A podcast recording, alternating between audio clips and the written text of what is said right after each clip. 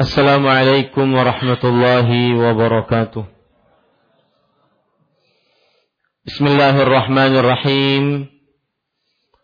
إن الحمد لله نحمده ونستعينه ونستغفره ونعوذ بالله من شرور أنفسنا وسيئات أعمالنا. من يهده الله فلا مضل له ومن يضلل فلا هادي له وأشهد أن لا إله إلا الله وحده لا شريك له وأشهد أن محمدا عبده ورسوله.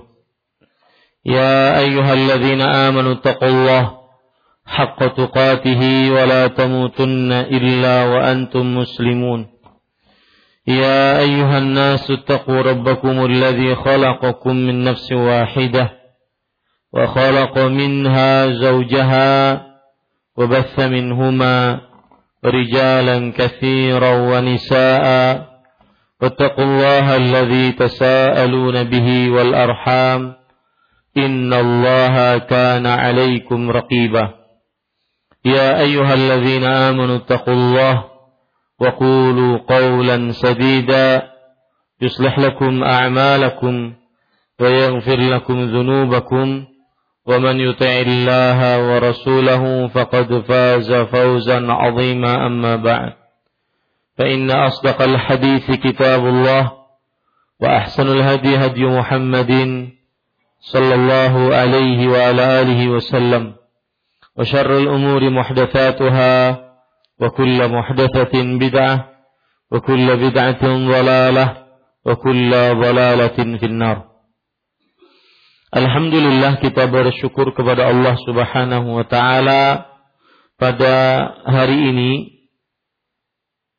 Senin malam Selasa 7 Jumada Tsaniyah 1438 Hijriah kita duduk bersama mengkaji kembali kitab Bulughul Maram min Adillatil Ahkam yang ditulis oleh Al-Hafidh Ibnu Hajar Al-Asqalani rahimahullahu taala.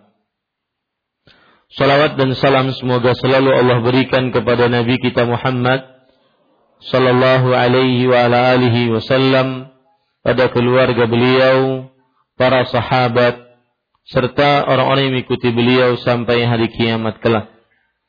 Dengan nama-nama Allah yang husna dan sifat-sifatnya yang mulia, kita berdoa, Allahumma inna na'udzubika min munkaratil akhlaq wal a'mal wal ahwa.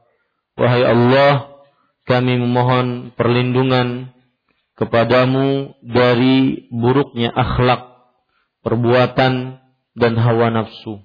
Amin ya rabbal alamin. Bapak, Ibu, saudara-saudari yang dimuliakan oleh Allah Subhanahu wa taala, masih kita membicarakan kitab salah, kitab yaitu hadis eh, tulisan-tulisan yang di dalamnya hadis-hadis Rasul tentang salat dan masih di dalam babu sutratil musalli bab sutrah atau pembatas untuk orang yang sholat. Pada kesempatan kali ini kita membaca hadis yang ke-245. Saya bacakan hadisnya. Wa an Abi Dzar Al-Ghifari radhiyallahu anhu qala qala Rasulullah sallallahu alaihi wa ala alihi wasallam yaqta'u salatal yaqta'u salatal mar'i al-muslim idza lam yakun baina yadayhi mithlu muakhiratir rahli Al-mar'atu wal himaru wal kalbul aswad. Al-hadith. Wa fihi al-kalbul aswadu syaitan. Akhrajahu muslim.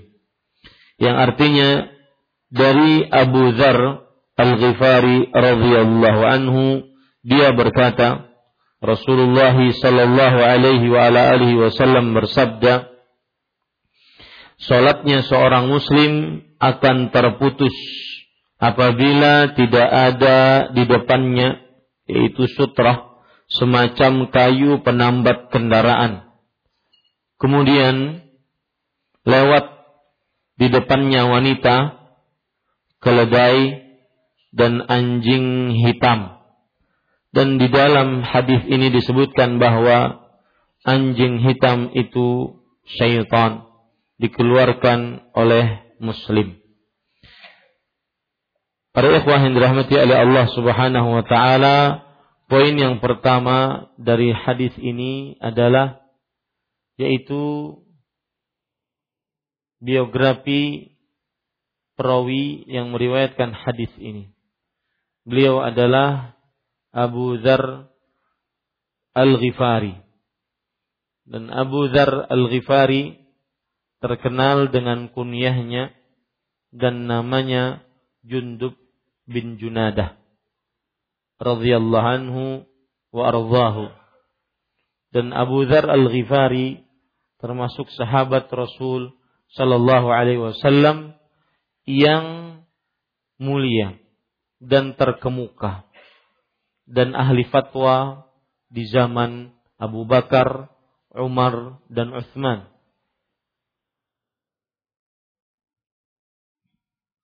Beliau meninggal pada tahun 32 Hijriah. Dan Abu Dzar Al-Ghifari radhiyallahu anhu termasuk sahabat as-sabiqun al-awwalun. Sahabat yang paling pertama-tama masuk dalam agama Islam. Bahkan disebut khamisu khamsin mendakhala fil Islam. Orang yang kelima masuk dalam agama Islam. Imam Az-Zahabi rahimahullahu taala mengatakan kana ra'san fi zuhdi was sidqi wal ilmi wal amal qawwalan bil haqqi la ta'khudhuhu fillahi law matalaim ala hiddati fihi ala hiddatin fihi beliau adalah pemimpin di dalam perkara zuhud, kejujuran, ilmu, amal. Dan beliau orang yang berani mengungkapkan kebenaran. Tidak takut terhadap orang yang mencelaknya siapa pun dia. Meskipun kebenaran tersebut berbahaya tatkala diucapkan. Ini tentang Abu Dhar Al-Ghifari. Dan beliau terkenal dengan kunyahnya Abu Dhar Al-Ghifari dan namanya Jundub bin Junadah. Dan sudah kita sebutkan juga bahwa disebutkan oleh Imam Ibnu Katsir rahimahullah dalam kitab Al-Bidayah wa Nihayah bahwa huwa awwalu man hayya Rasulullah sallallahu alaihi wasallam bi tahiyyatil Islam. Beliau yang pertama kali mengucapkan salam hormat kepada Rasul sallallahu alaihi wasallam dengan salamnya orang Islam yaitu assalamualaikum warahmatullahi wabarakatuh. Kemudian beliau diperintahkan oleh Rasul Shallallahu Alaihi Wasallam pulang ke daerahnya untuk mengajari umatnya. Dan akhirnya ketika Rasul Shallallahu Alaihi Wasallam berhijrah ke kota Madinah, maka setelah peperangan Khandaq baru beliau ikut berhijrah kepada Rasulullah Sallallahu Alaihi Wasallam di kota Madinah. Dan semenjak itu beliau melazimi Rasulullah Sallallahu Alaihi Wasallam, baik dalam keadaan safar ataupun dalam keadaan mukim. Salah satu pelajaran yang menarik dari seorang Abu Dzar radhiyallahu anhu bahwa beliau adalah sangat sangat dermawan. Saking dermawannya disebut oleh Rasul Shallallahu Alaihi Wasallam sebagai orang yang lemah jika jadi pemimpin karena tidak sanggup untuk melihat orang miskin. Senantiasa diberikan orang miskin tersebut hartanya. Maka ini terkadang tidak cocok untuk jadi pemimpin. Karena pemimpin harus memikirkan seluruh aspek dari kesejahteraan rakyat baik itu pembangunan, kemiskinan, pendidikan, atau yang semisalnya. Baik, para ikhwan yang dirahmati oleh Allah, Abu Dzar Al-Ghifari dia berkata Rasulullah sallallahu alaihi wasallam bersabda, "Salatnya seorang muslim akan putus apabila tidak ada di depannya semacam kayu pendapat pendambat, penambat kendaraan. Salatnya seorang muslim. Para ikhwah yang dirahmati oleh Allah Subhanahu wa taala yang dimaksud sholatnya seorang muslim di sini di sini sholat apa pun, baik sholat wajib atau sholat sunnah. Sholatnya seorang muslim akan putus. Nah, di sini akan putus terjadi perbedaan pendapat di antara para ulama.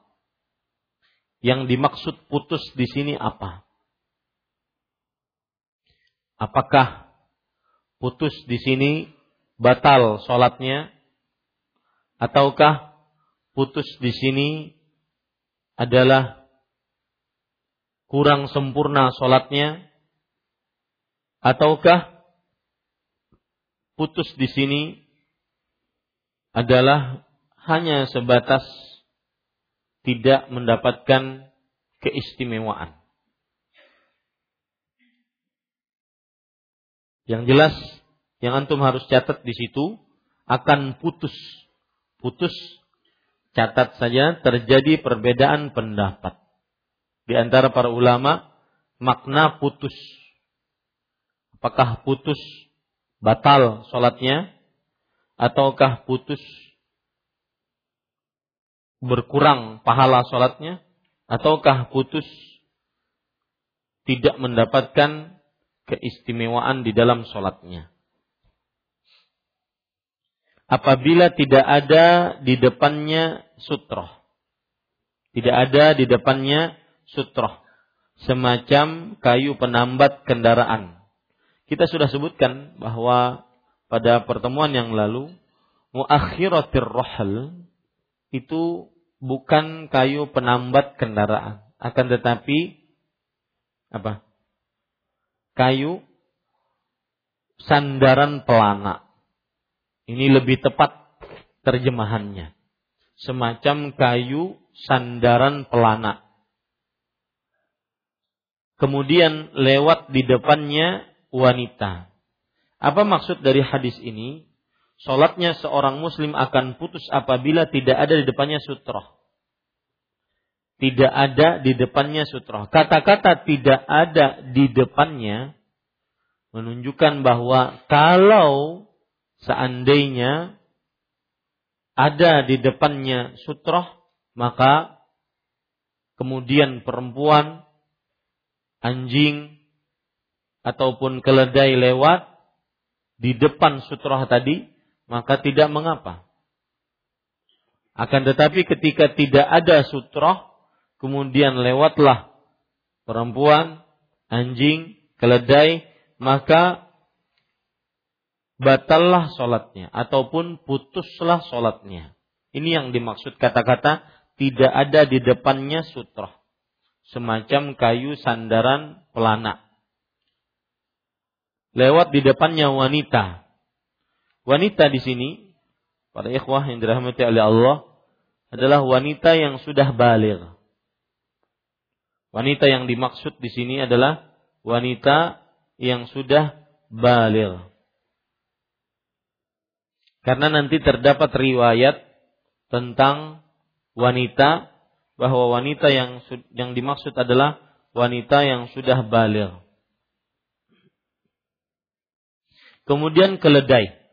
Keledai terjadi perbedaan pendapat di antara para ulama. Ada yang mengatakan seluruh jenis keledai.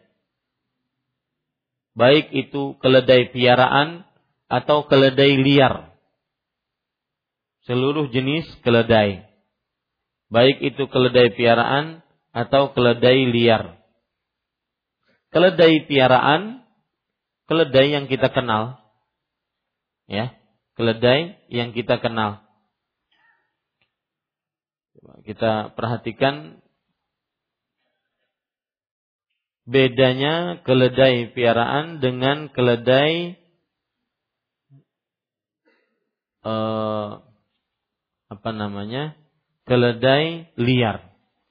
Keledai liar itu zebra. Keledai liar adalah zebra.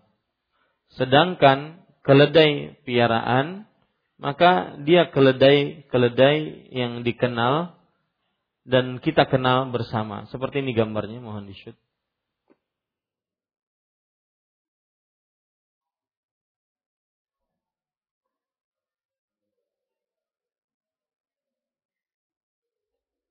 Ya, ini keledai al-ahli namanya, yaitu keledai piaraan. Cukup.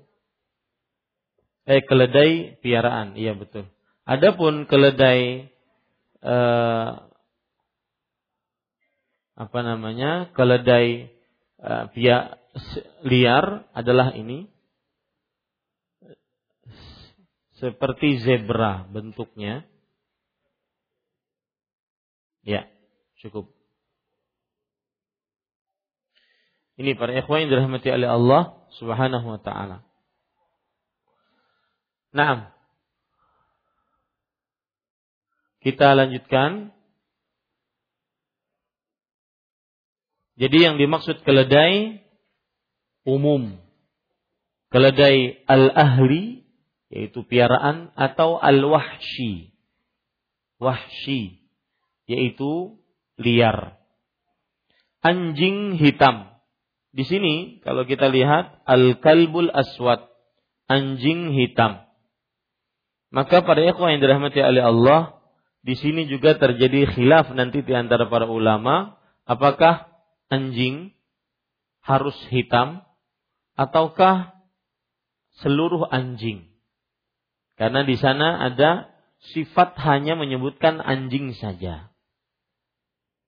Hanya menyebutkan anjing saja, tidak pakai hitam. Dan di dalam hadis yang kita baca ini yaitu ada kata-kata hitamnya. Jadi sifatnya hitam.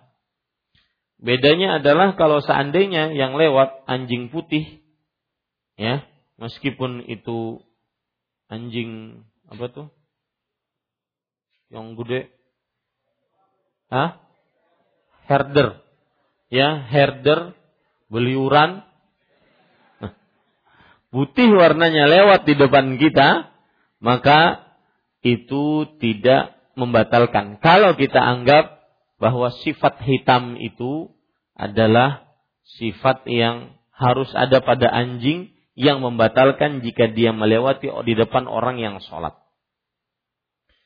Dan di dalam hadis ini disebutkan bahwa anjing hitam itu syaitan.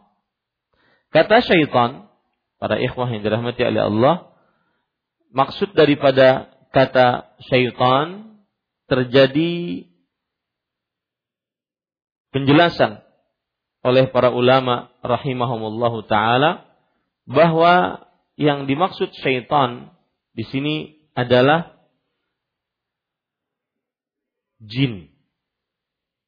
Bahwa anjing tersebut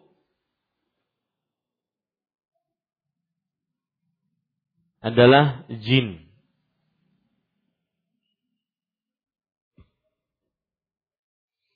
dikeluarkan oleh muslim. Artinya hadisnya sahih tidak ada keraguan di dalamnya. Baik, para ikhwah yang dirahmati oleh Allah Subhanahu wa taala, hadis ini kalau kita lihat hadis ke dalam kitab aslinya, hadis diriwayatkan oleh Imam Muslim, maka akan terjadi cerita agak panjang. Sedangkan yang disebutkan oleh penulis yaitu Al-Hafidz Ibnu Hajar Al-Asqalani rahimahullah bahwa ini hanya ringkasan. Maka saya bacakan hadis panjangnya sehingga lebih menyeluruh pemahaman kita terhadap hadis ini.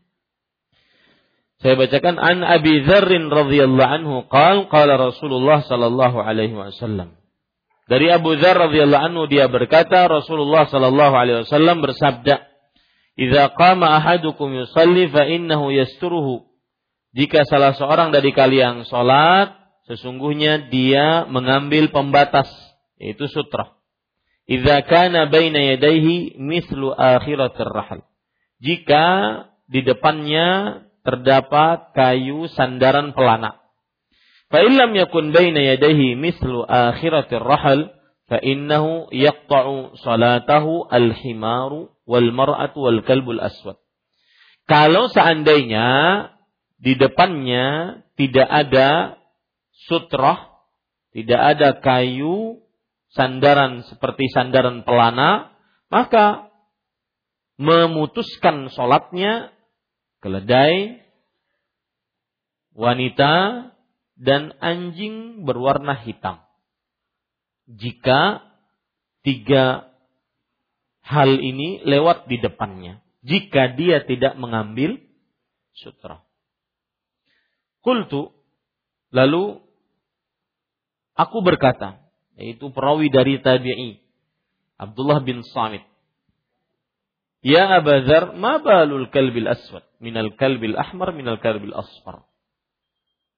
Wahai Abu Dhar, kenapa disebutkan anjing hitam. Bukan anjing merah, bukan anjing kuning. Qala, ya bena akhi sa'altu Rasulullah sallallahu alaihi wasallam kama sa'altani. Wahai anak saudaraku. Maksudnya orang Arab tuh begitu, supaya agak dekat wahai keponakanku maksudnya. Wahai anak saudaraku, yaitu keponakanku. Aku menanyakan itu juga kepada Rasul Shallallahu Alaihi Wasallam dahulu, sebagaimana engkau sekarang menanyai aku. Faqala, maka beliau bersabda, Al-kalbul aswadu syaitan. Anjing hitam itu adalah syaitan. Pada ikhwan yang dirahmati oleh Allah Subhanahu wa taala, di sini kita ambil pelajaran, itu hadis lengkapnya seperti itu. Kita ambil beberapa pelajaran. Yang pertama, hadis ini menunjukkan bahwa seorang yang sholat jika tidak menjadikan untuknya sutroh di depannya, maka memutuskan sholatnya salah satu dari tiga perkara. Jika melewati di depan sholatnya, di depannya, yaitu wanita, keledai, dan anjing berwarna hitam. Saya ulangi. Hadis ini menunjukkan bahwa seorang yang sholat jika tidak menjadikan sutroh di depannya, maka memutuskan sholatnya salah satu dari tiga hal jika lewat di depannya. Wanita, keledai, dan anjing hitam. Pelajaran yang kedua yang kita bisa ambil dari hadis ini adalah yang dimaksud memutuskan sholatnya dari tiga hal tersebut adalah salah satunya saja. Jadi tidak mesti harus tiga-tiganya baru bata, baru putus sholatnya. Yang mem, yang dimaksudkan memutuskan sholatnya dari tiga hal tersebut adalah salah satunya saja. Paham ini para ikhwah? Salah satunya saja. Jadi kalau yang lewat anjing hitam saja, maka tetap putus sholatnya. Kalau yang lewat itu perempuan yang sudah balik saja, maka putus sholatnya. Kalau yang lewat itu keledai saja, maka putus sholatnya. Tidak mesti harus tiga-tiganya. Ini para ikhwan yang dirahmati oleh Allah Subhanahu wa taala. Baik. Pelajaran selanjutnya yang kita bisa ambil dari hadis ini adalah jika yang sholat ini meletakkan di depannya sutroh, jika yang sholat ini meletakkan di depannya sutra, lalu lewat tiga hal tersebut, maka tidak memutuskan sholat. Lalu lewat tiga hal tersebut di depan sutra, maka tidak memutuskan sholat. Jika seorang yang sholat ini meletakkan sutra di depannya, lalu lewat tiga hal tersebut, maka tidak memutuskan sholat. Ini orang yang sholat. Kemudian dia meletakkan sutroh di sini. Lewat tiga ini, di depan sutrohnya. Maka sholatnya tidak, tidak putus.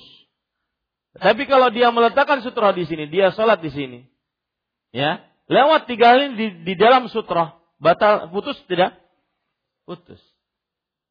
Ya. Jadi yang dimaksud poin ketiga atau pelajaran ketiga, jika seorang yang sholat menjadikan sutroh di depannya, lalu tiga hal tersebut lewat di depan sutroh, maka tidak batal sholatnya. Atau tidak putus sholatnya.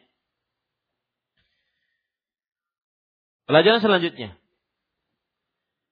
Apa yang dimaksud putus sholatnya?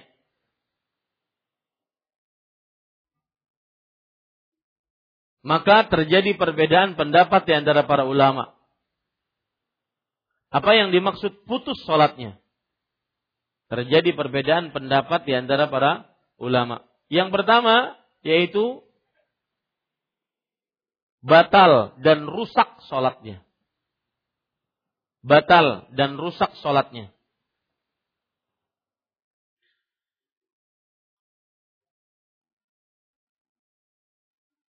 Para ikhwan yang dirahmati oleh Allah Subhanahu wa taala,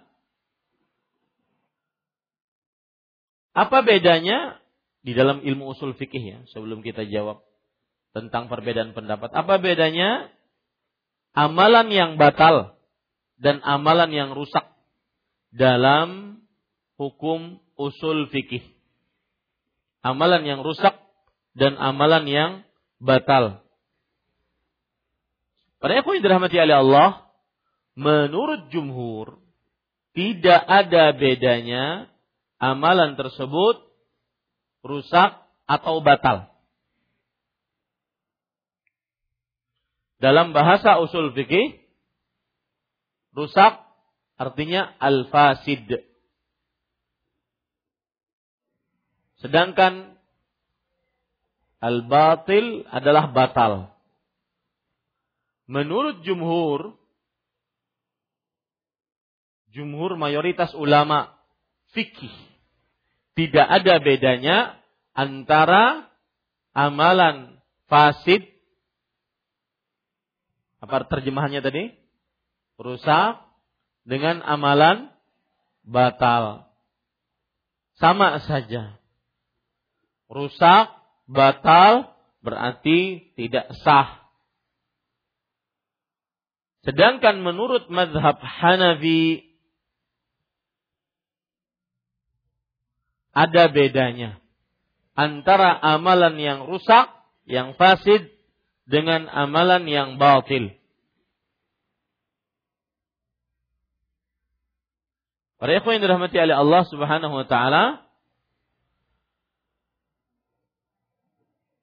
perlu diketahui bahwasanya amalan yang rusak atau amalan yang batil artinya adalah tidak sahnya amalan tersebut. Sama menurut jumhur. Tidak sahnya amalan tersebut.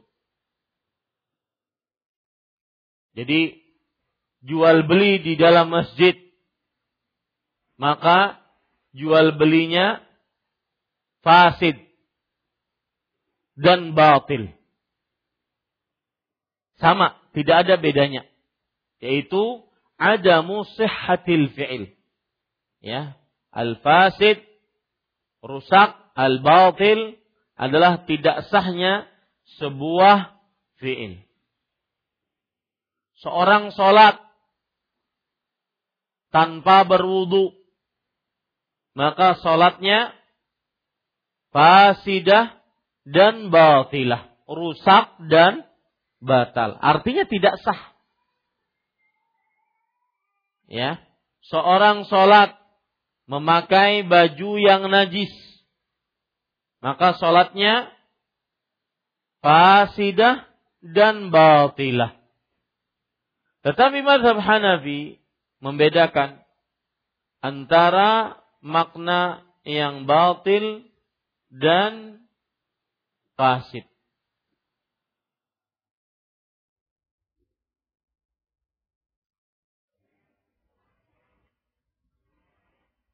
Mereka mengatakan bahwasanya apabila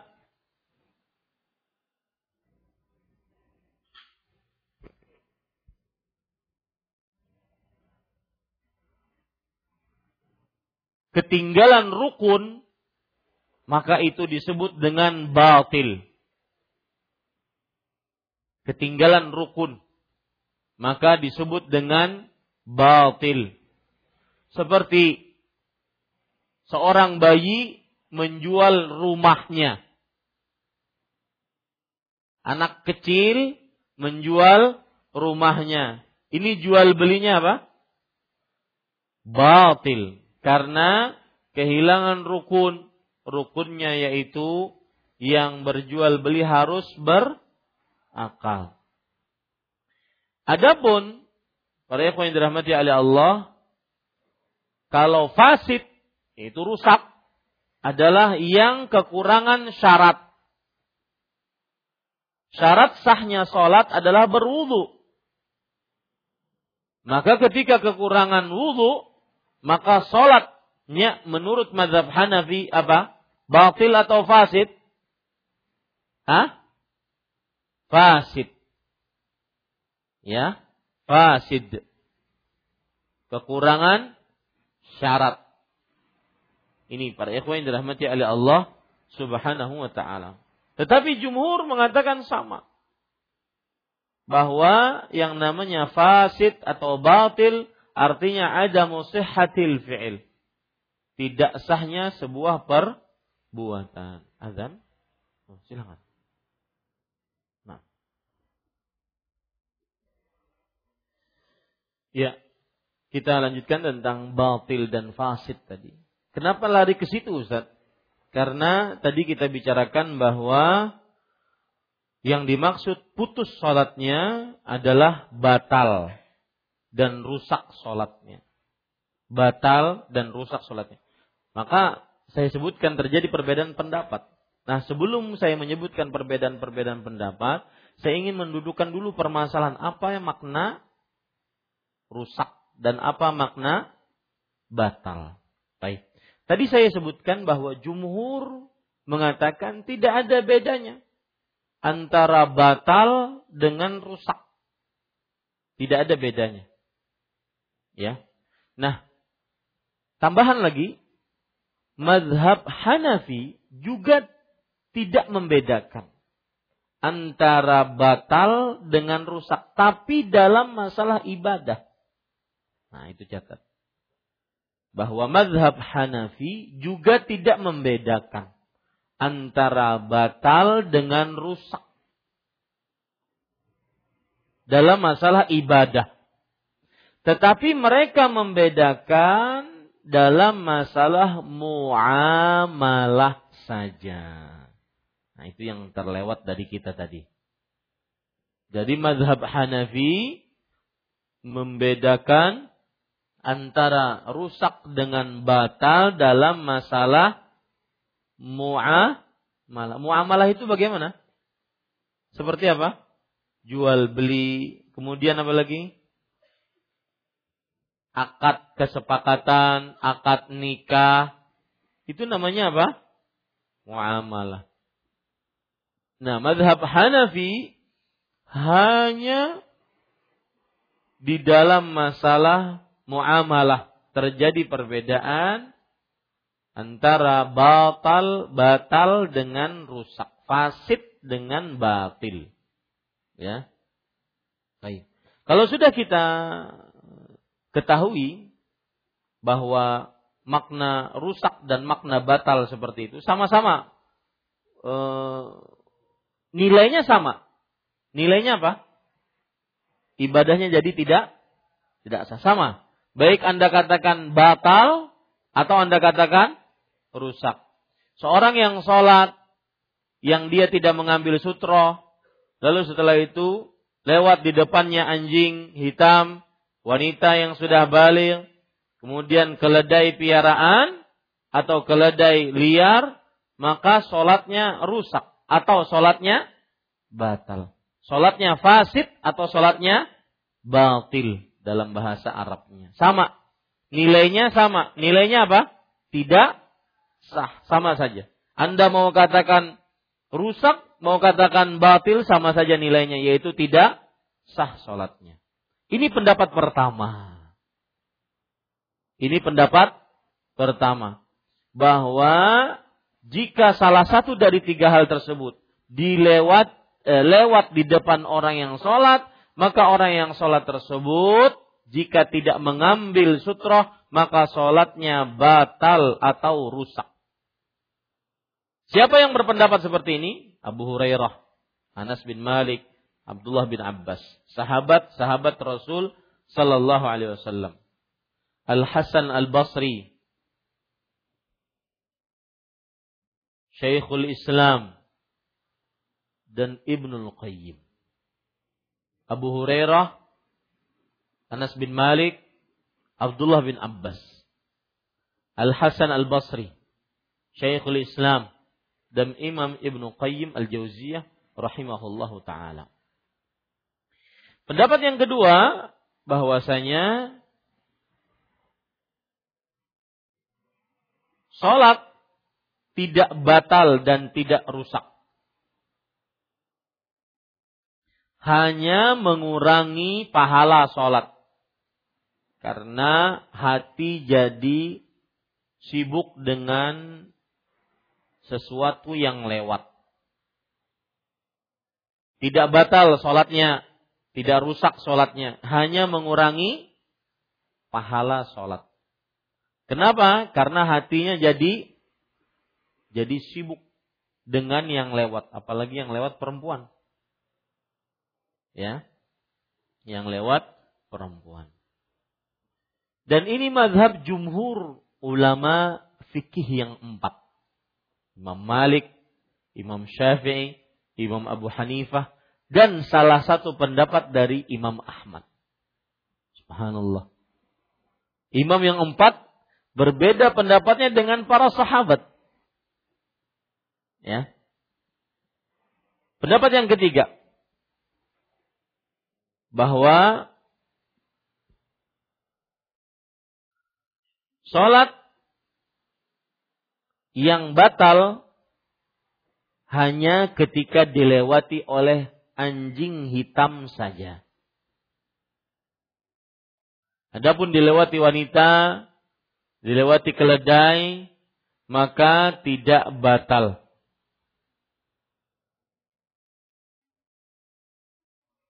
Dan ini salah satu pendapat Imam Ahmad dan pendapat Imam Ishaq bin Rahuya.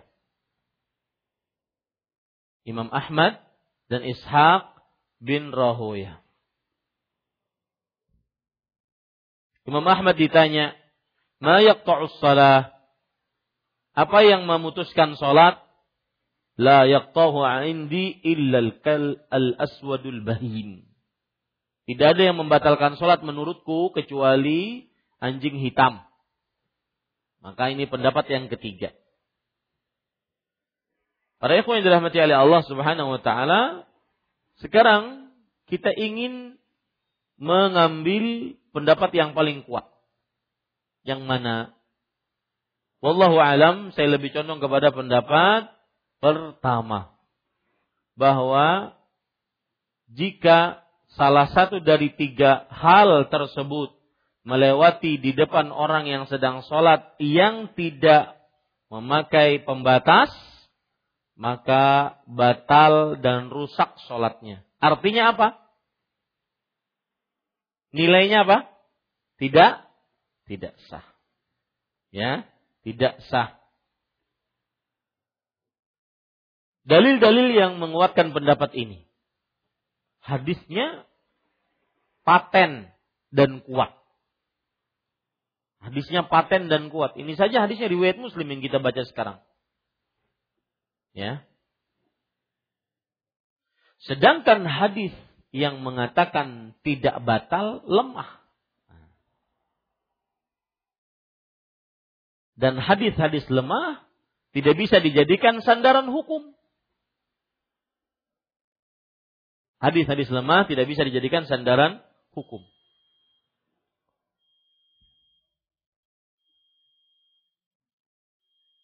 Kemudian yang kedua, yaitu terdapat riwayat dari Ibnu Khuzaimah, Ibnu Hibban.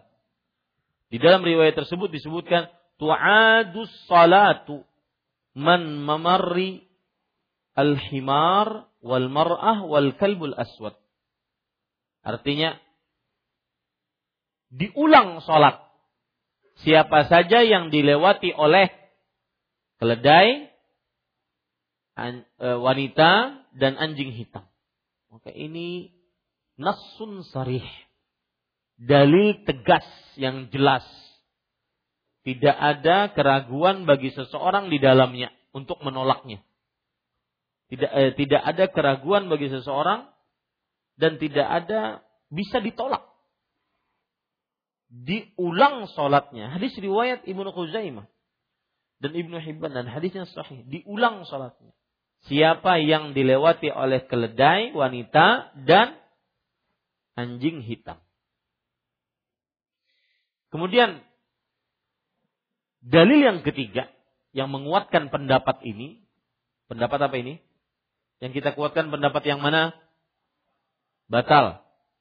Bahwa para sahabat Nabi radhiyallahu anhum mereka berpemahaman seperti ini Para sahabat Nabi radhiyallahu anhum mereka berpemahaman seperti ini. Sebagaimana cerita disebutkan oleh Ibnu Khuzaimah dalam kitabnya Musnad Musannaf Ibnu Abi Ibnu Khuzaimah bahwa Bakar bin Abdullah Al-Muzani seorang tabi'i namanya Bakar bin Abdullah Al-Muzani. Bercerita. Kuntu usalli ila jambi bin Umar radhiyallahu anhuma fadakhala baini wa bainahu yuridu jarwan. Famarra baina yadayhi. Faqala li ibn Umar ama anta fa'idis salah wa ama ana fala u'id. Li'annahu lam yamurra baina yadayya. Aku sholat di samping Umar, eh, Abdullah bin Umar. Lalu masuk anak keledai anak keledai. Di tengah-tengah kita. Jadi ini Abdullah bin Umar sholat. Di sampingnya Bakar bin Abdullah al-Muzani. Lalu keledai masuk. Lalu beli keledai ini lewat di depannya. Bakar bin Abdullah al-Muzani. Maka beliau mengatakan, Abdullah bin Umar berkata kepadaku, yaitu kepada Bakar bin Abdullah al-Muzani. Kamu ulangi sholat. Adapun aku tidak mengulangi sholat. Karena dia tidak melewat di depanku. Ini pemahaman para sahabat Nabi radhiyallahu anhu. Ada yang mengatakan jarwan itu adalah uh, anak anjing. Ada yang mengatakan anak keledai. Tapi yang benar anak anjing. Jarwan. Ya. Baik, para ikhwan yang dirahmati oleh Allah Subhanahu wa taala. Jadi pendapat yang paling kuat adalah apa? Pendapat yaitu batal dan rusak sholatnya. Kemudian para ikhwan yang dirahmati oleh Allah Subhanahu wa taala,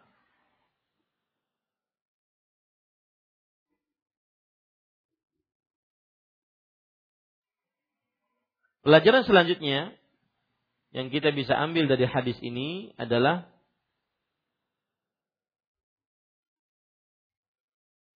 bahwa wanita yang dimaksud adalah wanita yang haid. Sebagaimana dalam penjelasan dari Abdullah bin Abbas radhiyallahu anhuma. Berarti wanita atau anak-anak perempuan jika melewati di depan orang yang sedang sholat dan di depannya tidak ada pembatas, maka sholatnya tidak batal. Sholatnya tidak batal. Karena anak kecil perempuan tidak dinamakan wanita. Ini para ikhwan yang dirahmati oleh Allah Subhanahu wa taala. Kemudian para ikhwan yang dirahmati oleh Allah terdapat permasalahan. Kenapa wanita dinamak, disamakan dengan anjing dan keledai di dalam hadis ini? Ini hadis sering digunakan oleh orang-orang orientalis, fobia terhadap sunnah, untuk mencela hadis Rasul. Mencela eksistensi kewahyuan sabda Nabi Muhammad sallallahu alaihi wasallam. Mencela kesucian dan kepribadian dan kerasulan Nabi Muhammad sallallahu alaihi wasallam. Yaitu terdapat riwayat bahwa perempuan diceritakan oleh Masruq meriwayatkan dari Aisyah annahu zukira indaha ma yaqta'u salah al-kalbu wal himaru wal mar'ah disebutkan hadis ini di depan Aisyah radhiyallahu anha bahwa yang memutuskan sholat apabila lewat di depannya anjing keledai dan wanita. Faqalat maka Aisyah radhiyallahu anha berkata, "Syabbahtumuna bil humri wal kilab?" Kalian telah menyamakan kami para wanita dengan keledai dan para anjing. Wallahi laqad ra'aitu an-nabiyya sallallahu alaihi wasallam yusalli wa inni 'ala sarir bainahu wa bainal qiblah muttaji'ah. Demi Allah, aku telah melihat Nabi Muhammad sallallahu alaihi wasallam salat dan aku berada di atas ranjang antara beliau dengan kiblat dan aku sedang tidur. Fatabduli al-hajah fa akrahu an ajlis fa udhin Nabiya sallallahu alaihi wasallam fa ansallu min indi rijlaihi maka aku kebelet dengan sebuah hajat. Maksudnya mungkin ingin ke kamar mandi. Buang air besar, buang air kecil. Maka aku benci untuk duduk. Yang nanti akan menyakiti sholat Rasulullah SAW di dalam sholatnya. Fa'ansallu min indi rijlaihi. Maka aku pun masuk dari dua kakinya. Ya, jadi berbaring masuk. Gitu. Ya, masuk dari dua kakinya. Hadis riwayat Bukhari Muslim, hadisnya sahih. Nah, bagaimana menjawab ini? Ya, ini bukan lewat lagi nih, masuk dalam bawah kaki. Ya, maka bagaimana menjawab ini para ikhwan yang dirahmati oleh Allah Subhanahu wa taala? Maka jawabannya adalah mudah. Yaitu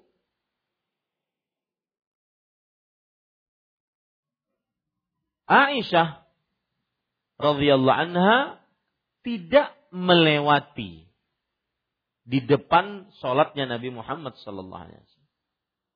Tetapi beliau tidur di depan beliau. Dan terjadi perbedaan antara melewati dengan berdiam.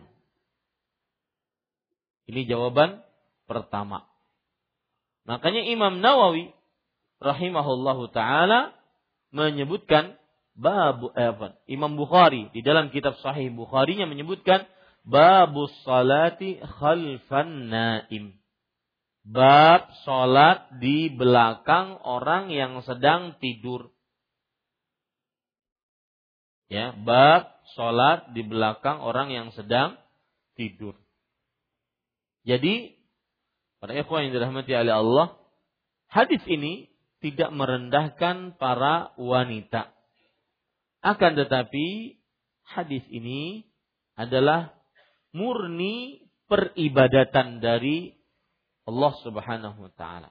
Bahwa yang membatalkan sholat himar, keledai, anjing hitam dan wanita. Ini para ikhwah yang dirahmati oleh Allah Subhanahu wa taala. Kemudian pelajaran selanjutnya yang kita bisa ambil dari hadis ini para ahli fikih menyebutkan tidak ada bedanya antara keledai piaraan dan keledai liar. Karena penyebutan keledai di sini umum dan tidak boleh kita membatasinya dengan dalil, eh, kecuali dengan dalil. Tidak boleh kita membatasinya kecuali dengan dalil. Kemudian para ikhwan yang dirahmati oleh Allah. Pelajaran selanjutnya yang kita bisa ambil dari hadis ini adalah Sholatnya perempuan pun batal jika yang melewat di depannya perempuan. Sholatnya perempuan pun juga batal jika yang lewat di depannya juga perempuan. Jadi perempuan sholat, kemudian yang lewat siapa? Perempuan juga. Maka batal. Karena keumuman hadis tidak membedakan sholat seorang wanita atau sholat seorang lelaki.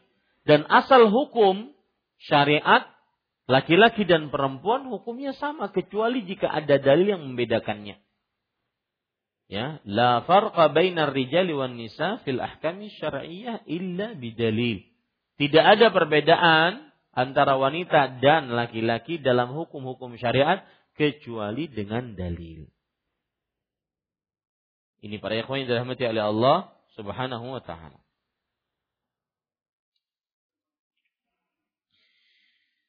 Kemudian Bapak, Ibu, saudara-saudari yang dimuliakan oleh Allah Subhanahu wa taala,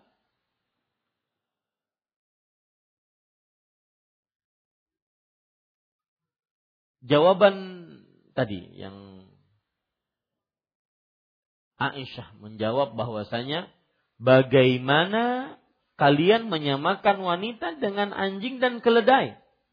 Maka salah satu jawabannya juga boleh ditambah tadi. Jawaban yang sudah disebutkan apa? Hah? Ini murni peribadatan. Sebelumnya saya sebutkan apa? Hah? Aisyah tidur dan tidak melewati. Jawaban yang ketiga, pengingkaran beliau sesuai dengan kadar ilmu beliau saja atau sesuai dengan pengetahuan beliau. Artinya masih ada hadis yang lain yang Aisyah radhiyallahu anha tidak mengetahuinya. Mungkin nggak ini? Hah? Mungkin nggak? Mungkinkah Aisyah meliputi seluruh ilmu Islam? Tidak. Ya. Sama seperti kejadian barang siapa yang mengatakan Nabi Muhammad SAW kencing sambil berdiri, maka sungguh dia telah berdusta dengan dusta yang besar. Padahal pernah terjadi Rasulullah SAW kencing sambil berdiri. Maka jawabannya bagaimana menjawab Aisyah, menjawab perkataan Aisyah ini? Beliau mengatakannya sebatas pengetahuan beliau dan itu tidak merendahkan Aisyah radhiyallahu anha Nah, bisa dipahami ini para ikhwah? Baik, kita ambil hadis selanjutnya. Walahu an Abi Hurairah radhiyallahu anhu nahwuhu dunal kalbi. Artinya dan riwayat Muslim dari Abu Hurairah sama seperti itu tanpa ada kata-kata anjing. Apa maksud dari tanpa ada kata-kata anjing? Maksudnya yang membatalkan sholat berarti cuma wanita dan keledai tanpa ada anjing. Di hadis yang 247 wali Abi Dawud Nasa'i an Ibnu Abbas radhiyallahu anhuma nahu duna akhiri wa qayyada al-mar'ata bil haid. Sedangkan dalam riwayat Abu Dawud dan An-Nasai dari Ibnu Abbas sama juga seperti itu tanpa disebutkan kata yang terakhir. Tanpa disebutkan kata yang terakhir yaitu anjing hitam itu syaitan. Tanpa itu. Ya tanpa itu. Dan dalam riwayat tersebut dijelaskan bahwa wanita yang dimaksud adalah wanita yang sudah hail ini penjelasan-penjelasan saja. Ya pada ikhwan yang dirahmati oleh Allah itu penjelasan-penjelasan saja nah kita ambil hadis yang ke 248 وعن أبي سعيد الخدري رضي الله عنه قال قال رسول الله صلى الله عليه وعلى آله وسلم إذا صلى أحدكم إلى شيء يستره من الناس فأراد أحد أن يجتاز بين يديه فليدفعه فإن أبى فليقاتله فإنما هو شيطان متفق عليه وفي رواية فإن معه القرين Dari Abu Sa'id Al-Khudri radhiyallahu anhu dia berkata, Rasulullah sallallahu alaihi wasallam bersabda, apabila salah seorang di antara kalian salat dengan menghadap ke arah sesuatu yang menghalanginya dari manusia, yakni sutroh. Lalu ada seorang yang hendak lewat di depannya, maka cegahlah. Apabila ia enggan, maka perangilah. Karena ia tidak lain adalah syaitan. Muttafaq alaih. Dan dalam riwayat yang lain disebutkan karena sesungguhnya yang bersama dia adalah karin syaitan yang selalu menyertai seseorang. Poin pertama dari hadis ini adalah biografi sahabat yang meriwayatkan hadis ini yaitu Abu Sa'id Al-Khudri radhiyallahu an. Para ikhwan yang dirahmati oleh Allah Subhanahu wa taala, Abu Sa'id Al-Khudri salah seorang sahabat Rasul sallallahu alaihi wasallam yang muda belia di zaman Rasul Shallallahu Alaihi Wasallam. Dan nama asli beliau Malik bin Sinan atau Sa'ad bin Malik bin Sinan. Afwan. Sa'ad bin Malik bin Sinan.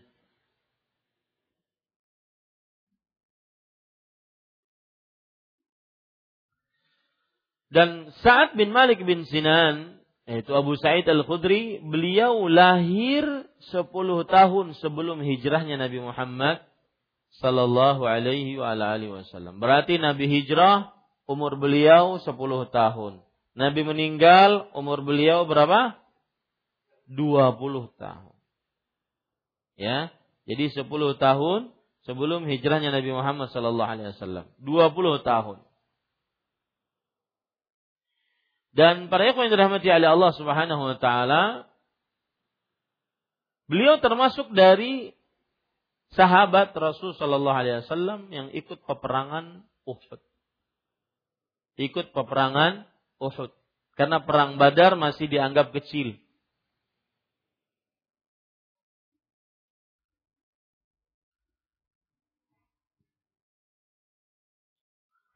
Dan beliau termasuk dari sahabat-sahabat yang banyak meriwayatkan hadis Rasul sallallahu alaihi wasallam. Hadis beliau sekitar 1170 hadis.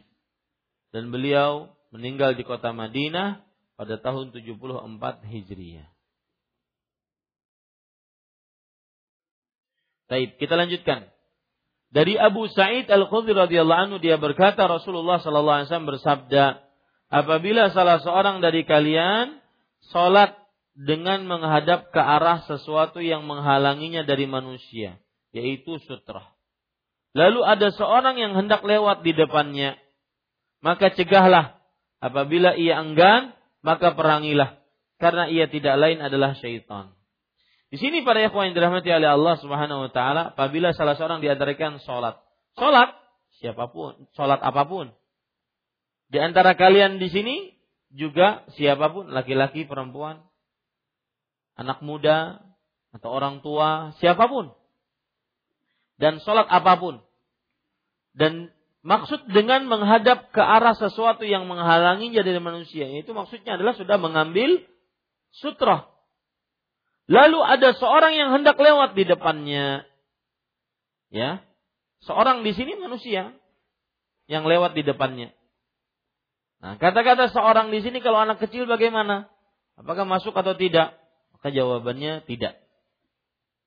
Tetapi yang dimaksud adalah orang-orang yang sudah balik yang hendak lewat di depannya, maka cegahlah. Kata-kata cegahlah, tahanlah maksudnya. Tahan. Apabila ia enggan, maka perangilah.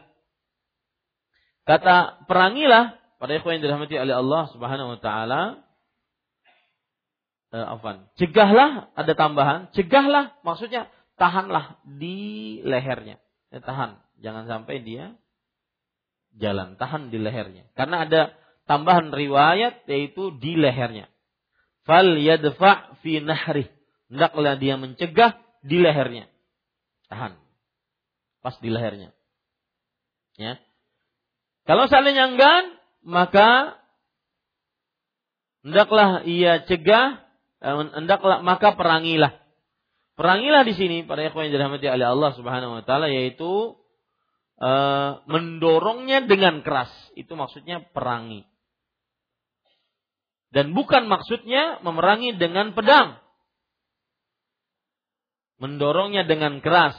Dan bukan maksudnya memerangi dengan pedang. Atau memerangi dengan sesuatu yang membahayakan. Bukan itu maksudnya.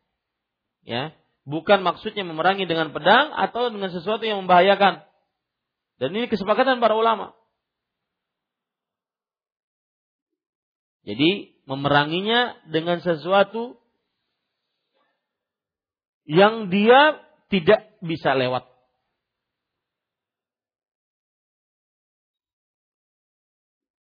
Karena itu, karena ia tidak lain adalah syaitan. Pada yang dirahmati oleh Allah Subhanahu wa taala,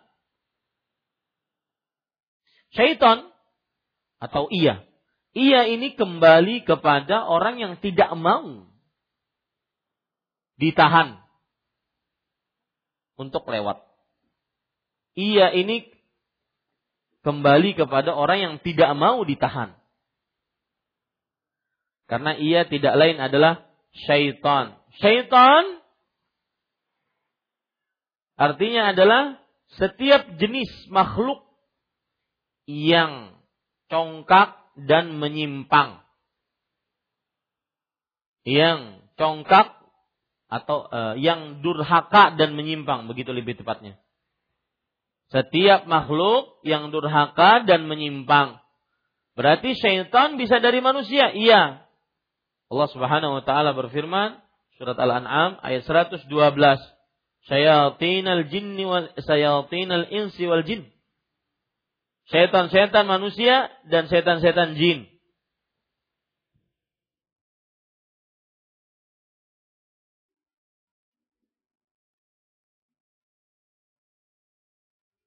Para yang dirahmati oleh Allah Subhanahu wa taala, makna dari kata-kata tidak lain adalah syaitan, yaitu syaitan dari anak keturunan Adam yang telah melampaui batas dan menyimpang dari jalan yang lurus. Syaitan dari anak keturunan Adam yang telah melampaui batas dan jalan yang lurus.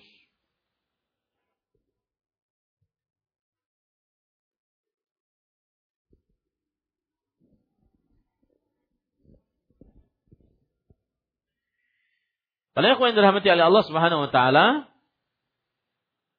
karena sesungguhnya yang bersama dia adalah qarin. Qarin yaitu syaitan yang selalu menyertai seseorang. Syaitan yang selalu menyertai seseorang.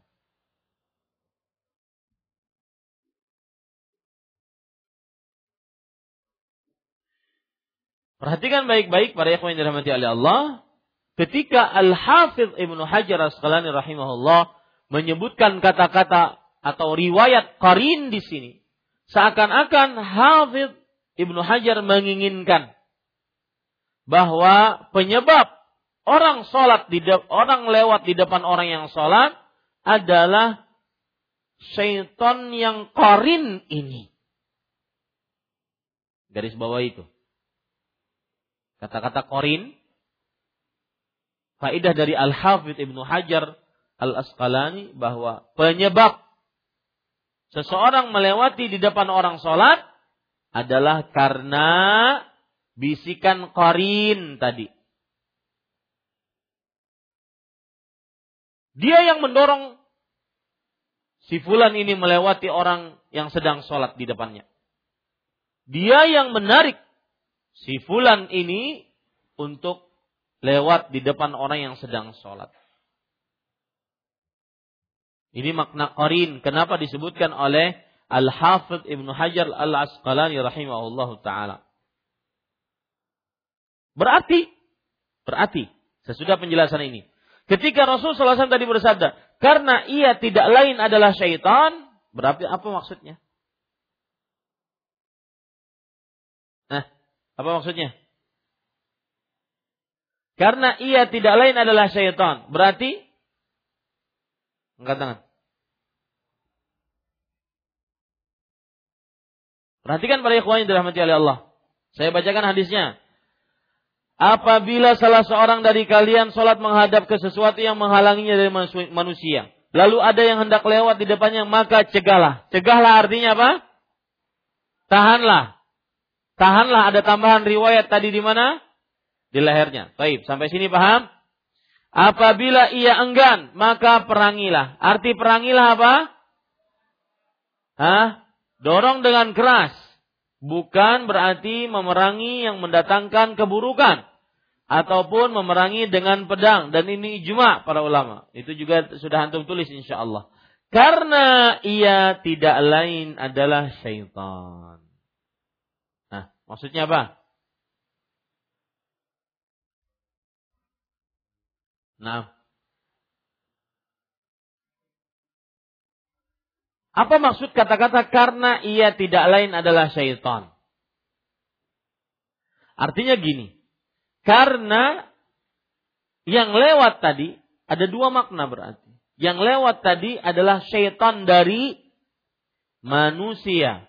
Makna yang kedua, karena yang lewat tadi dibisiki oleh syaitan yang berbentuk karin, yaitu syaitan dari jin. Catat itu dua arti. Apa Ustadz yang dicatat?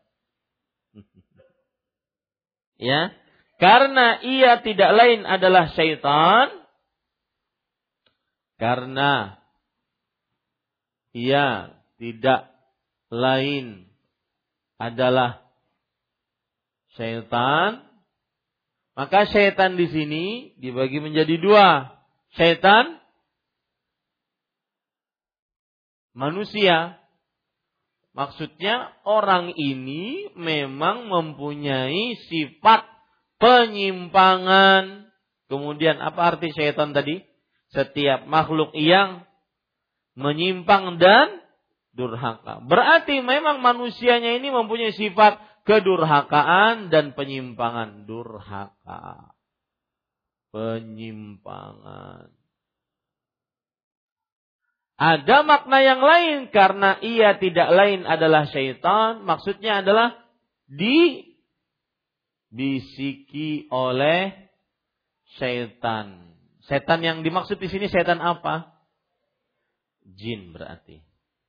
Itu karin yang selalu menyertai manusia.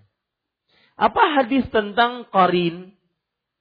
Yaitu hadis Rasul Shallallahu Alaihi Wasallam ini sedikit tentang korin ya pak. Hadis Rasul Shallallahu Alaihi Wasallam riwayat Imam Muslim, "Ma minkum min ahadin illa waqad ukila bihi qarinuhu minal jin."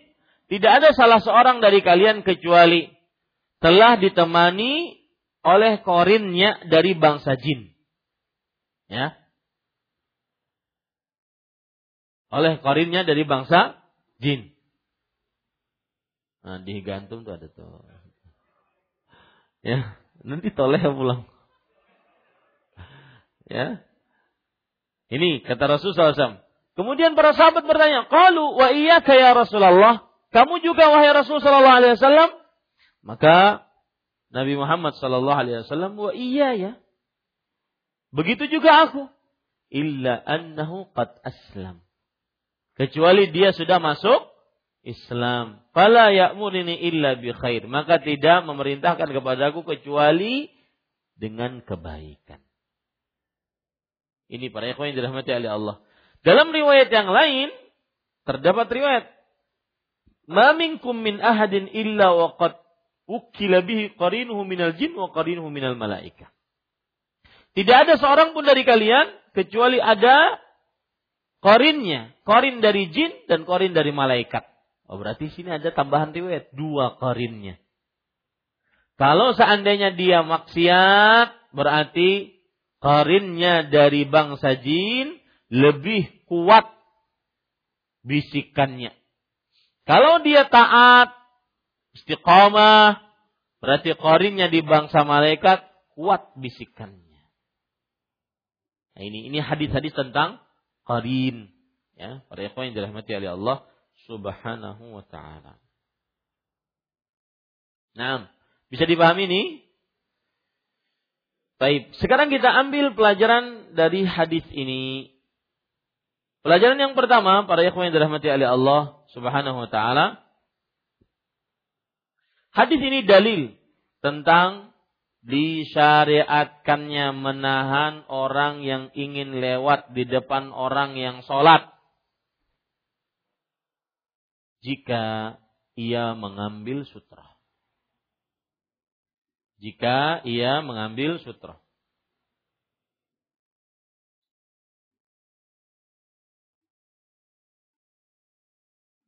Hadis ini menunjukkan disyariatkannya menahan orang yang ingin lewat di depan orang yang sedang sholat jika ia mengambil sutra.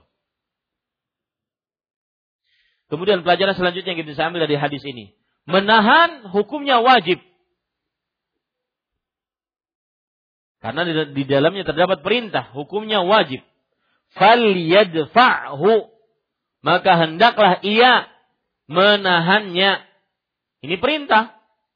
Dan asal hukum perintah menunjukkan kepada kewajiban kecuali jika ada dalil yang menurunkannya dari hal yang wajib menuju sunnah. Ya. Dan ini pendapat para ulama. Pendapat Imam Ahmad, Ibnu Muflih, Al-Mardawai, ya, kemudian Asy-Syaukani bahwa wajib hukumnya. Ada sebagian ulama yang berpendapat bahwa hukumnya hanya sunnah. Imam Nawawi mengatakan la a'lamu ahadan minal ulama aujabahu. Kata beliau, aku tidak mengenal seorang pun dari ulama yang mewajibkannya. Tetapi Al-Hafidh Ibnu Hajar mengatakan, para ulama banyak yang mewajibkannya. Wallahu alam pendapat yang lebih kuat adalah wajib. Kalau sudah berbicara wajib, maka berarti kalau ditinggalkan diancam siksa. Diancam siksa. Kemudian pelajaran selanjutnya. Hadis eh? Terjadi perbedaan pendapat tentang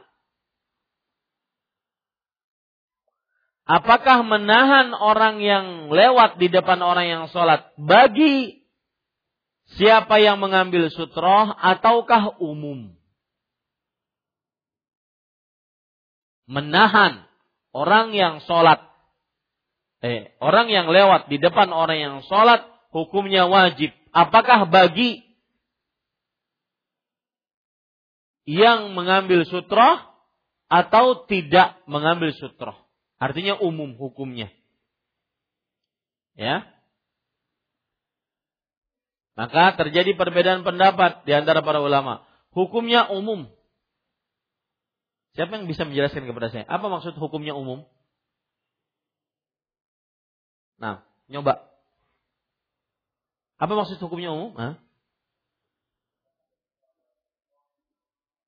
Tidak ada sutra atau ada sutra di depan kita, jika ada yang lewat di depan orang yang eh, di depan kita yang sedang sholat, maka kita tetap wajib menahannya. Ini hukumnya umum. Pendapat yang kedua mengatakan hukumnya hanya berlaku hanya berlaku bagi yang mengambil mengambil apa? Wadai. Sutra ya, yang mengambil sutra. Jadi kalau seandainya dia sudah mengambil sutra, sholat, kemudian yang lewat, dia berhak untuk menahan.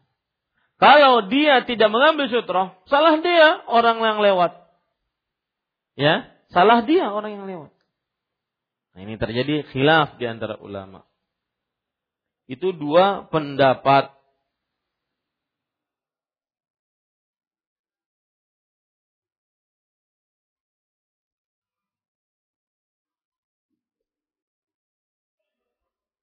Imam Nawawi mengatakan kesepakatan para ulama bahwa wajib menahan hanya bagi yang mengambil sutroh.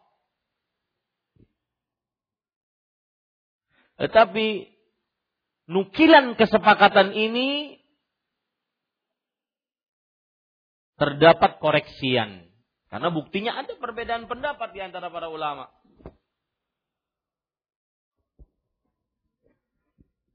Buktinya ada perbedaan pendapat di antara para para ulama.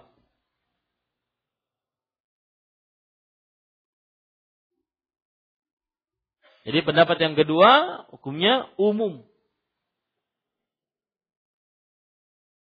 Di sana ada dalil yang menunjukkan bahwa meskipun tidak ada di depannya sutra, maka kalau ada yang lewat di depannya, maka dia tetap wajib menahan. Salah satu dalilnya Idza kana ahadukum yusalli. Jika salah seorang dari kalian salat, fala yad'u ahadan yamurru baina yadayhi. Maka jangan biarkan seorang lewat di depannya. Lihat, salat. Kata-kata salat tidak disebutkan apa? Sutra. Hanya disebutkan kata salat. Tidak disebutkan kata sutra. Maka pada saat itu, meskipun dia mengambil sutra, tidak mengambil sutra, kalau ada yang sholat eh, kalau ada yang lewat di depannya, maka dan dia sedang sholat, maka dia berhak untuk mencegahnya. Ini para ikhwan yang dirahmati oleh Allah Subhanahu wa taala. Wallahu alam para ikhwah khilaf di antara ulama, susah untuk menentukannya. Khilaf. Ya. Pelajaran selanjutnya yang kita bisa ambil dari hadis ini, hadis ini menunjukkan bahwa bolehnya bergerak di dalam sholat karena sebuah kepentingan sholat. Ini contoh sebagaimana yang sudah kita sebutkan, bergerak di dalam sholat itu terbagi menjadi berapa? Siapa yang masih ingat? Bergerak di dalam sholat terbagi menjadi berapa? Siapa masih ingat?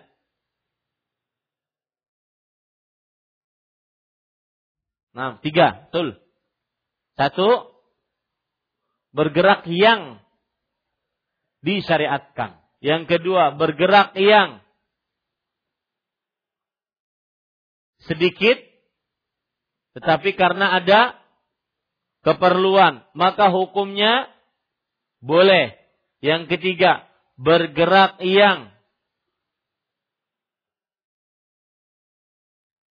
sedikit tapi tidak ada keperluan, maka hukumnya makruh.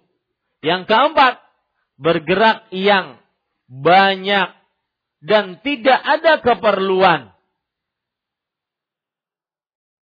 Maka hukumnya batal. Maka hukumnya batal. Nah ini salah satu dalil. Dalil dari empat tadi, yaitu yang disyariatkan. Bergerak yang disyariatkan.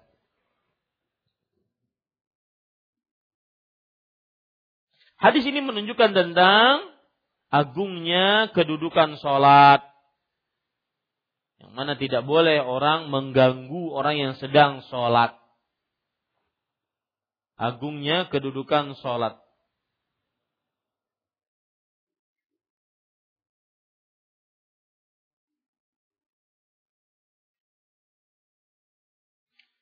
Hadisnya sisa dua. Padahal kalau dua lagi kita baru setelah itu masuk kepada bab khusyuk sholat. Sayang waktunya habis. Tetapi hadisnya lemah. Terus kan enggak? Hah? Terus sedikit? Gak apa-apa ya. Biar kita habis bab pada malam ini. Nah ya, bersabar ya. Terus enggak? Hadis ke-249. Wa an Abi Hurairah radhiyallahu anhu qala qala Rasulullah sallallahu alaihi wasallam idza shalla ahadukum falyaj'al tiqa'a wajhihi syai'an fa in lam yajid falyansib 'asan fa in lam yakun falyakhutta khattan thumma la yadhurruhu man marra baina yadayhi akhrajahu Ahmad wa Ibn Majah wa sahahahu Ibnu Hibban wa lam yusib man za'ama annahu muttarib bal huwa hasan. Dari Abu Hurairah radhiyallahu anhu dia berkata, Rasulullah sallallahu alaihi wa alihi wasallam bersabda, apabila salah seorang di antara kalian mengerjakan salat, hendaklah ia meletakkan sesuatu di depannya. Apabila ia tidak mendapatkannya, maka hendaklah ia menancapkan tongkat dan apabila tidak ada tongkat, maka hendaknya ia membuat garis sehingga dia tidak terganggu oleh orang lain yang lewat di depannya. Dikeluarkan oleh Ahmad dan Ibnu Majah dan disahihkan oleh Ibnu Hibban tidaklah benar orang yang menyangka bahwa hadis tersebut muttarib. Bahkan sebenarnya hadis tersebut hasan. Poin pertama dari hadis ini adalah Abu Hurairah radhiyallahu anhu yaitu hadis yang e, perawi yang sudah kita sangat kenal yaitu nama asli beliau Abdurrahman ibn Sakhar Ad-Dausi. Abdurrahman bin Sakhar Ad-Dausi. Dan pada yang dirahmati oleh Allah, salah satu pelajaran yang menarik dari seorang Abu Hurairah radhiyallahu anhu adalah bahwa tidak ada kata terlambat untuk menjadi seorang yang pelajaran dari kisah hidup Abu Hurairah radhiyallahu anhu sehingga beliau menjadi seorang yang paling banyak meriwayatkan hadis Rasul sallallahu alaihi wa ala alihi wasallam. Kemudian para ikhwah, dia berkata Rasulullah Sallallahu Alaihi Wasallam bersabda, apabila salah seorang di antara kalian mengerjakan sholat, hendaklah ia meletakkan sesuatu di depannya, yaitu sutroh. Ya, apabila ia tidak mendapatkannya, tidak mendapatkan sesuatu tersebut yang bisa diletakkan di depannya, maka hendaklah ia menancapkan tongkat, tongkat. Ya. Dan apabila tidak ada tongkat, maka hendaklah ia membuat garis. Kalau sesuatu sudah sahih hadisnya. Tongkat juga tidak ada eh, apa? Tidak ada perbedaan pendapat sahih hadisnya. Ini yang menjadi menjadi pembicaraan adalah hendaklah ia membuat garis. Sehingga dia tidak terganggu oleh orang lain yang lewat di depannya. Dikeluarkan oleh Imam Ahmad, Ibnu Majah dan disahihkan oleh Ibnu Hibban. Tidaklah benar, ini perkataan tidaklah benar ini adalah perkataannya Al-Hafidh Ibnu Hajar. Kata-kata tidaklah benar. Ya, itu perkataan Al-Hafidh Ibnu Hajar. Tidaklah benar orang yang menyangka hadis tersebut muttarib. Apa hadis muttarib? Pada ikhwan yang dirahmati oleh Allah Subhanahu wa taala. Hadis muttarib adalah hadis yang diriwayatkan dari jalan yang banyak.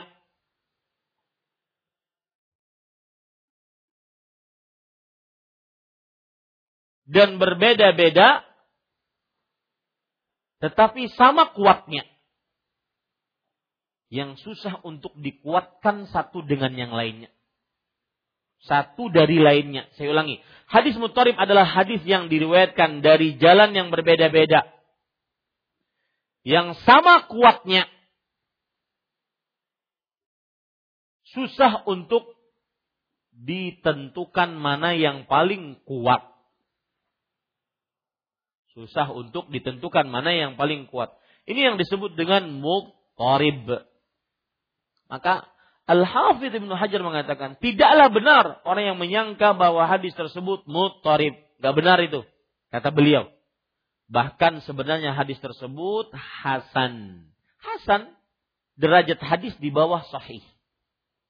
Ya, derajat hadis di bawah sahih. Para ikhwah yang dirahmati oleh Allah Subhanahu wa taala, hadis ini terjadi khilaf yang syadid di antara para ulama hadis. Ya. Hadisnya wallahu alam lebih condong kepada lemah. Hadisnya saya lebih condong kepada hadisnya lemah.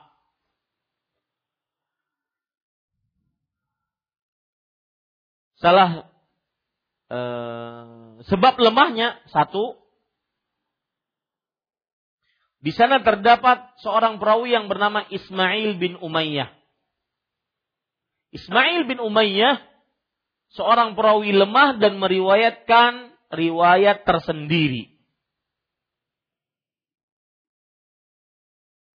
Yang kedua, Ismail bin Umayyah beliau goncang di dalam periwayatan dari gurunya.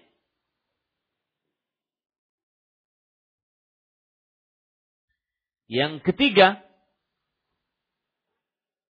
terdapat seorang perawi yang majhul, tidak diketahui, yang bernama Abu Amr bin Muhammad bin Huraith. Yang ketiga, terdapat seorang perawi yang tidak diketahui, yang bernama Abu Amr bin Muhammad bin Huraith.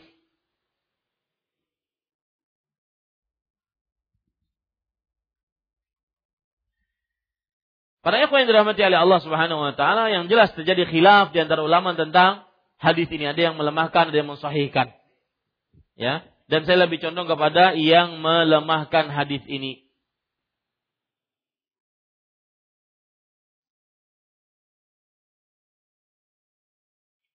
Di antara yang melemahkan hadis ini adalah Sufyan bin Uyainah.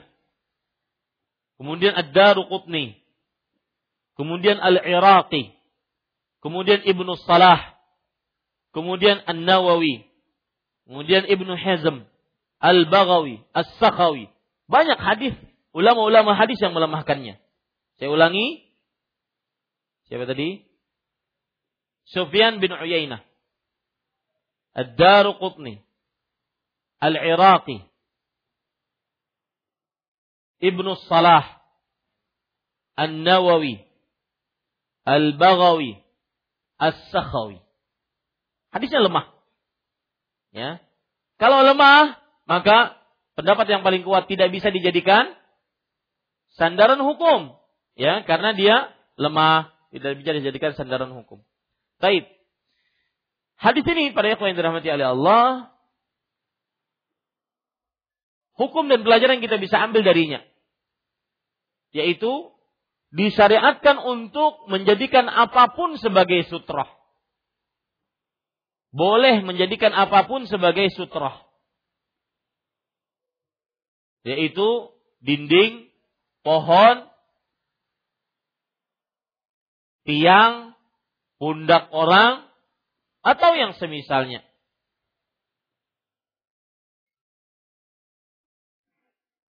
Kemudian, Pelajaran selanjutnya yang kita bisa ambil dari hadis ini adalah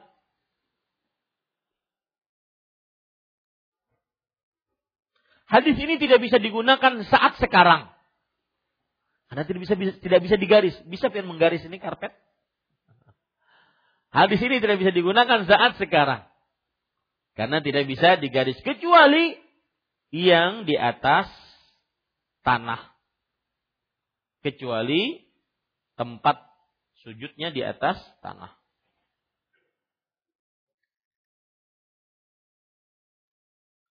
Para yang dirahmati oleh Allah Subhanahu wa taala, apa hukum memakai sejadah? Apakah cukup sebagai sutra ataukah tidak cukup? Maka jawabannya tidak cukup. Dan dia harus mengambil pembatas yang lain selain sejadah. Kecuali jika tidak ada pembatas lain kecuali sejadah. Saya ulangi, apa hukum memakai sejadah? Apakah cukup sebagai sutra atau tidak? Maka jawabannya tidak cukup. Dia harus mengambil sutra. Dia harus mengambil sutra. Kecuali jika tidak ada sutra, maka sejadah bisa dijadikan sebagai pembatas. Jika tidak ada. Kalau ada tiang, jadi ada dulu kawan saya masuk Islam. Beliau ini pendeta. Pendeta masuk Islam. Waktu itu masih di Arab Saudi. Orang Filipin banyak masuk Islam di sana. Kemudian pulang dia, masuk Islam pulang ke negaranya. Istrinya yang masih Nasrani tidak dia ceraikan, boleh saja tidak dia ceraikan.